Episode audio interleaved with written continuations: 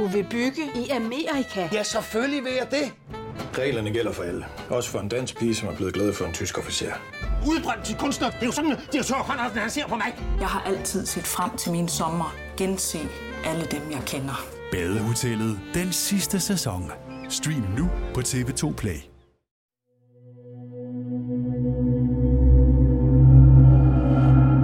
Pinse morgen den 22. maj 1999 vågnede Norge op til nyheden om et voldsomt trippeldrab. Det ældre ægtepar, Marie og Christian Orderud, og deres 47-årige datter, var skudt flere gange på tæt hold på et lille landmandssted lidt nord for Oslo. Ukendte gerningsmænd var brudt ind midt om natten og havde henrettet alle tre med nakkeskud. Gerningsstedet var blottet for DNA og tekniske spor, men der flød med projektiler og tomme patronhylstre. Drabene var brutale, uforståelige. Ægteparet var i 80'erne for længst pensioneret fra landmandslivet og velligte i lokalsamfundet. Hvem slog de tre ihjel, og hvorfor?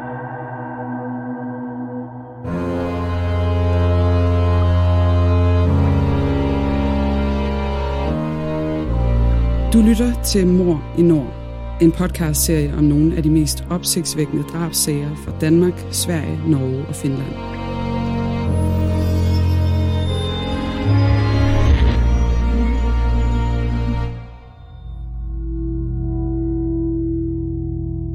Det du nu skal høre er en virkelig historie, researchet og fortalt af Janne Ågaard og læst op af Le Gammeltoft.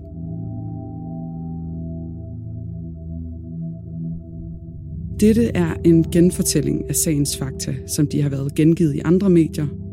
Nogle detaljer er udladt, ligesom vi her afholder os fra at tage stilling. Det har retssystemet gjort.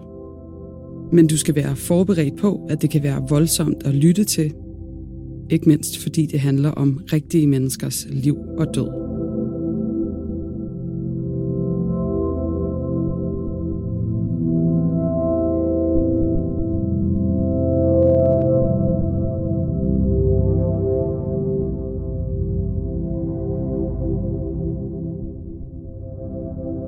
Vores historie begynder i det naturskønne område Sørum Sand, tæt på Fosten Gomma, hvor Marie og Christian Orterud boede hele deres liv på den gård Christian havde opbygget siden drengeårene. Mange årtiers hårdt arbejde gjorde Orterud gård til en millionforretning med både landbrug, udlejningsboliger, husdyr og store afgrøder.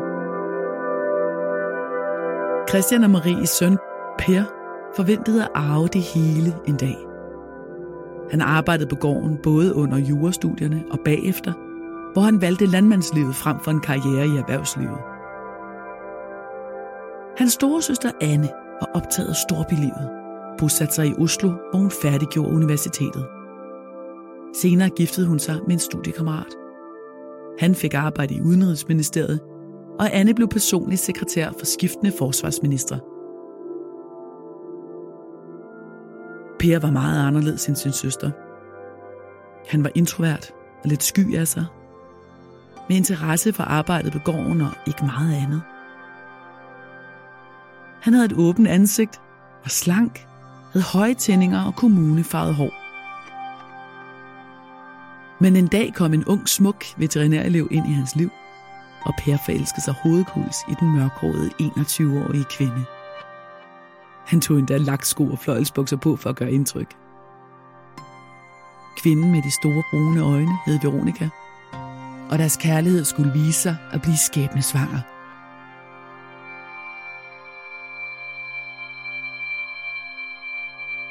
Veronika kom fra et fattigt hjem med mange søskende, og barndommen var præget af usikkerhed.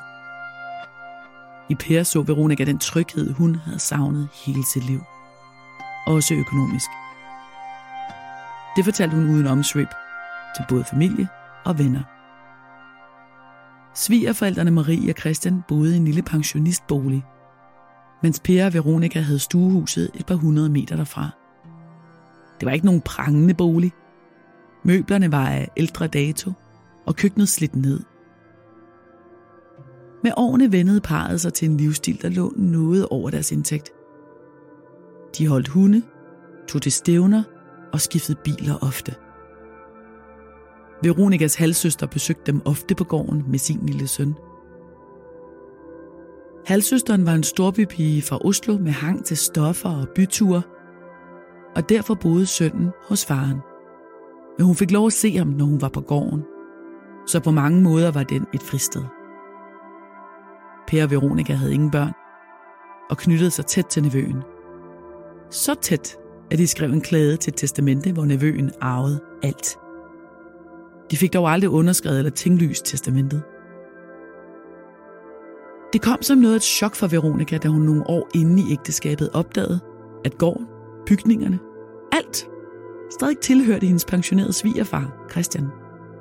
For Per arbejdede jo fuldtid på gården, og lidt mere, uden nogen større løn, mens Veronikas arbejde som dyrlæge var nødvendig for indtægten. Per forventede at få Orderød gård i arv, uden at skele til sin søster. Veronika skubbede på for at få papir på aftalen med svigerforældrene. Hun skrev ofte vrede tanker i sin dagbog. For Christian synes ikke, at Per skulle have det hele. Anne skulle selvklart have del i arven. Og derfor lød det for Christian, at Per skulle betale sin far 1,2 millioner norske kroner, så Anne kunne få del i arven. Det fandt Per helt urimeligt. Men det var dog en brøkdel af gårdens reelle værdi, så han endte med at sige ja.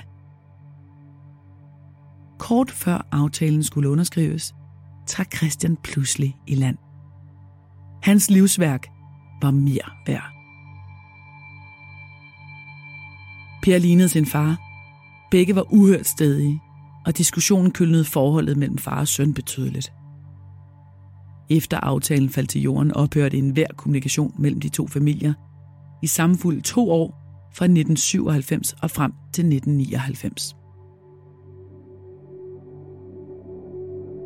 Pinsedag 1999 kom Christians bror forbi pensionistboligen og bankede på. Han undrede sig over, hvorfor ingen åbnede døren eller tog telefonen. Han kunne se Annes bil foran huset, men der var helt stille. Om bagved på terrassen mødte der ham en dør med knuste ruder og et gruopvægtende syn. Lige indenfor lå Marie med ansigtet nedad i en pøl af blod. Ved køkkenbordet lå Anne livløs på gulvet. Inde i soveværelset sad Christian på knæ med ansigtet nede i dynen. Også han var blevet skudt flere gange. Der lå glasskov indenfor, og der var brudstykker af et fodaftryk på glasskovet. Ellers var hjemmet helt ryddeligt i det lille toetagers træhus med ældre møbler, udskårne træstole og et hyggeligt sofaarrangement. Både sølvtøjet og pengeskabet stod urørte, så politiet fra den lokale station udelukkede hurtigt, at der skulle være tale om et rovmor. Med så voldsom en forbrydelse tilkaldte det lokale politi straks forstærkninger fra Kriminalpolitiet i Oslo. Politiet rekonstruerede forbrydelsen. Der havde formentlig været to gerningsmænd, som var kommet ind ad terrassedøren. De var først gået ind til Christian, som var blevet skudt i brystet med en revolver kaliber 38. Måske havde han nået at sætte sig op i sengen, før han blev ramt. Så vendte morderen livet om med ansigtet nedad og skød ham i nakken med en kaliber 22 pistol. Marie lå i sengen og var blevet skudt flere gange. Men ingen vitale organer var ramt. Hun var til synlædende kravlet over til Christian for at se, om han stadig var live. Derefter havde hun kæmpet sig vej mod terrassedøren for at skaffe hjælp. Anne sov nedenunder og måtte være blevet vækket af skuden. På vej op og hen til køkkenet fandt drabsmændene hende og skød hende ned. Hun var død på stedet. På vej ud af huset opdagede gerningsmændene, at Marie stadig var i live. Så de skød hende i nakken. Kuglen strejfede hende kun, så hun havde været i live i flere timer og forblødte langsomt. Drabene var planlagt i detaljer. Af beviser på gerningsstedet var der kun tomme patronhylstre en kugle i parketgulvet og det ene delvise fodaftryk på glasskåret inden for døren. Naboer havde hverken set eller hørt noget, og en grundig eftersøgning af området omkring huset med hundepatruljer afslørede ikke andet end en orange uldsok. Obduktionerne viste med al tydelighed, at der var brugt to våben. En pistol af kaliber 22 og en revolver kaliber 38. Samtidig var det som om, at den ene skytte var erfaren, den anden ramte ofte forbi.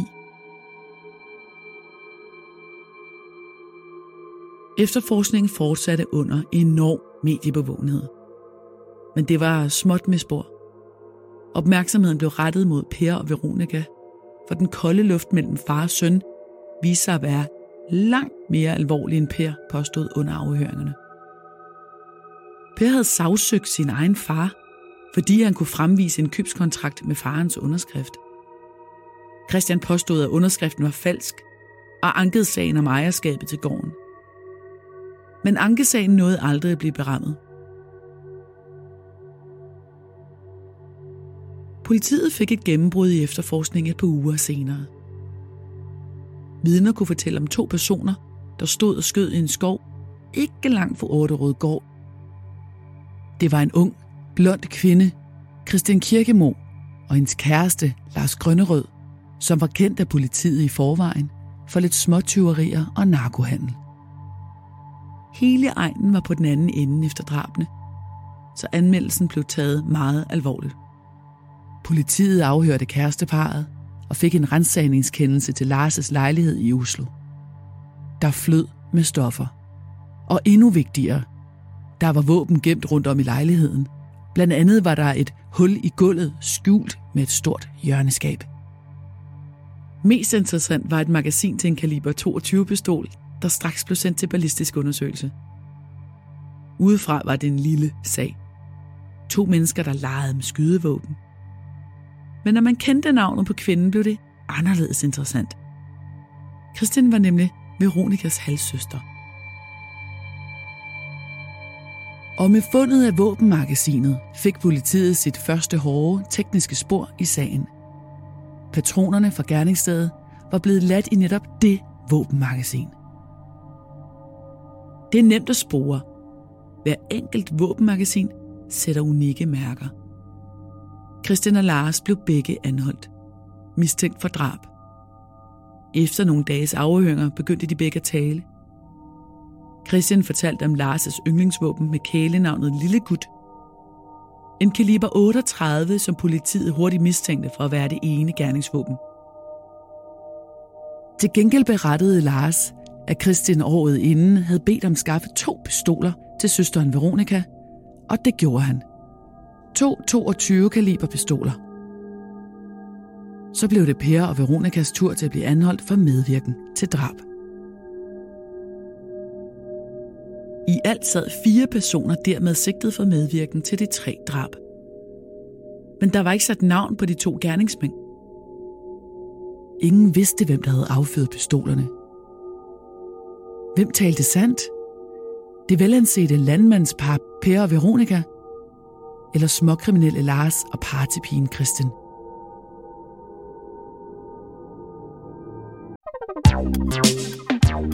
Der er kommet et nyt medlem af Salsa Cheese Klubben på MACD. Vi kalder den Beef Salsa Cheese, men vi har hørt andre kalde den Total Optor.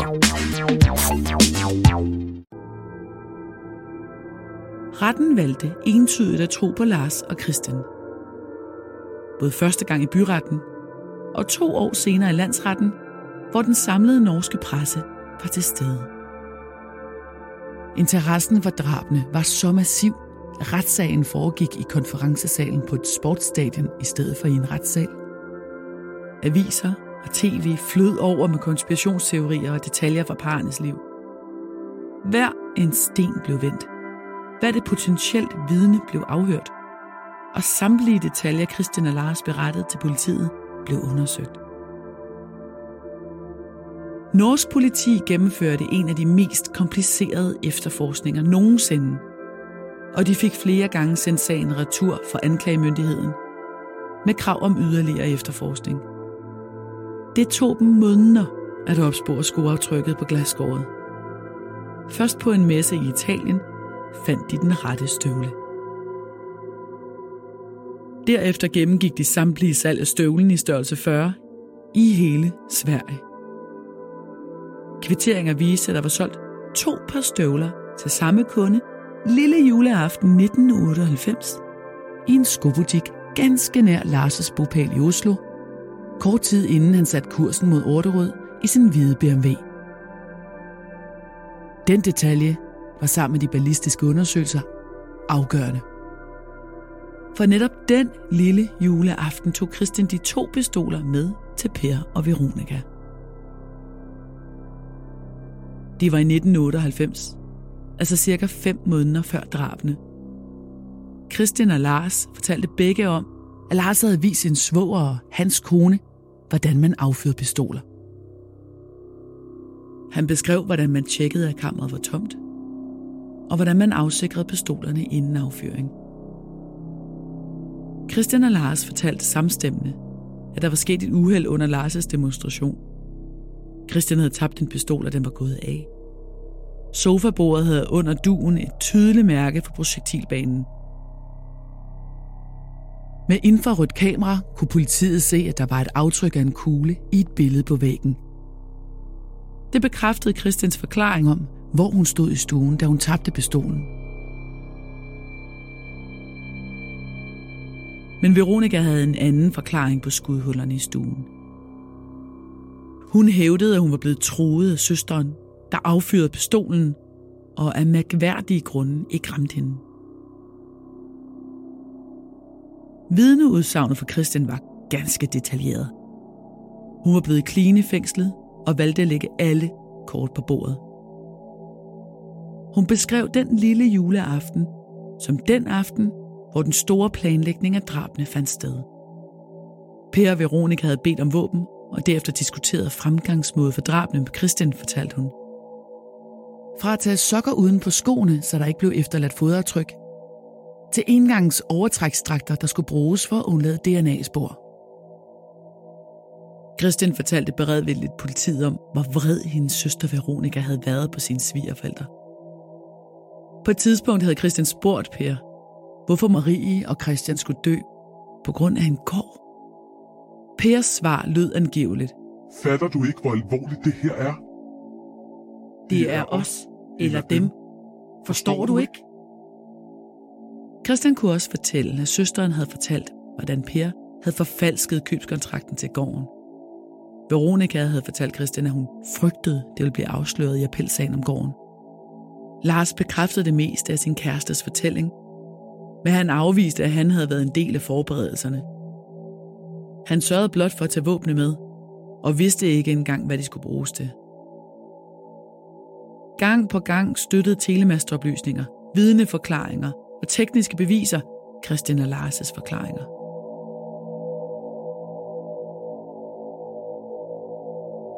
Den 22. juni 2001, to år og en måned efter drabene, faldt dommene.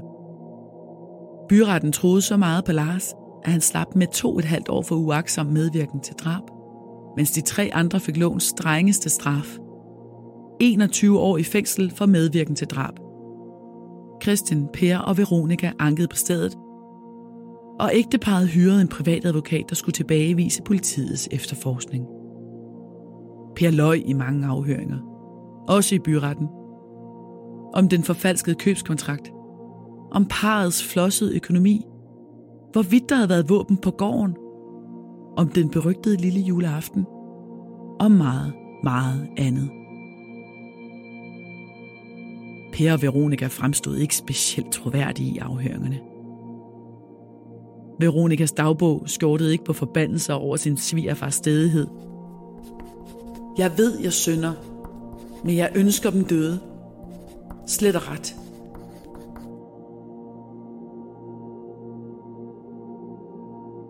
I 2002 under ankesagen i landsretten gik Per endelig til bekendelse omkring uoverensstemmelsen med forældrene og Morderød Gård. Han indrømmede forfalskning af kontrakten og fortalte, hvordan han havde brugt madpapir til at kopiere sin fars underskrift fra en gammel årsopgørelse til skattevæsenet. Per indrømmede også i landsretten, at han havde haft et dårligt forhold til sin far i mange år op til drabene. Men både han og Veronica fastholdt, at de var uskyldige. I pressen blev Veronica præsenteret som den onde forførske, der formåede at overbevise sin godtroende og uintelligente mand om at eliminere svigerforældrene af økonomiske årsager. Men billedet var fortegnet.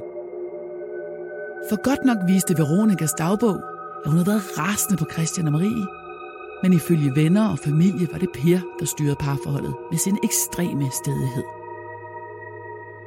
Politiet efterforskede mange besynderlige detaljer. Blandt andet blev der brugt enorme ressourcer på at opspore en opringning til nummeroplysningen, oplysning 180, der havde fundet sted på uger før drabene. Her havde en vred mand troet med at myrde familien Orterud og givet intime detaljer om Annes liv, inklusiv ægtemandens kræftsygdom og død. Operatøren, som havde modtaget opkaldet, flagede den over 30 minutter lange samtale til sin ledelse. Efter Orderud-drabene opsporede politiet 513 opkald til nummeroplysningen, der havde varet over 30 minutter, og som havde fundet sted omkring det tidspunkt, operatøren mente at have modtaget opkaldet. Det førte til en national database over telefoner, som 24.000 personer kunne have adgang til. De blev efterfølgende kontaktet af politiet for at klarlægge, hvor de var på drabsnatten. Et af numrene viste sig at tilhøre Veronica og Christians mor og var tilknyttet hendes hjemmeadresse. Men hvem af husstandens mandlige medlemmer, der havde foretaget telefonopkaldet, kunne ikke afklares. En anden gren af efterforskningen undersøgte omstændighederne omkring to attentater på Anne og hendes mand.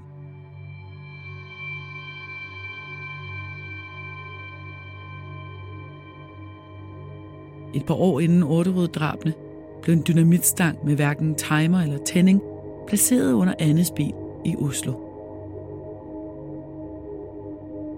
14 dage efter det foruroligende fund blev der midt om natten hældt benzin ind af brevsprækken i parrets hjem, samtidig med at der blev placeret en gasflaske med propan på dørmåtten. Den eksploderede heldigvis ikke. Men de to attentatsforsøg førte til, at parret først gik under jorden i en lejlighed i Oslo, og senere tog imod en udstationering til USA. Politiet fandt aldrig gerningsmændene, på trods af langvarig efterforskning. Parret vendte tilbage til Norge i 1998. Et år efter var Annes mand død af kræft, og hun var selv blevet myrdet i koldt blod. Nu fandt politiet frem til nogle noter, som Anne havde skrevet om politiafhøringerne i forbindelse med den mystiske sag med dynamitstangen og benzinen. Hun og hendes mand var blevet bedt om at nævne alle, det kunne komme i tanke om, som kunne have ønsket dem ondt. I Annes notater stod der, Arvemotivet står stærkest for mig. Blandt andet ønskede Anne, at gårdens betragtelige jordstykker skulle udstykkes til parceller. Noget, der faldt Per meget for brystet. Nu blev hetsen på Anne forsøgt kædet sammen med drabene på Ordrup Gård.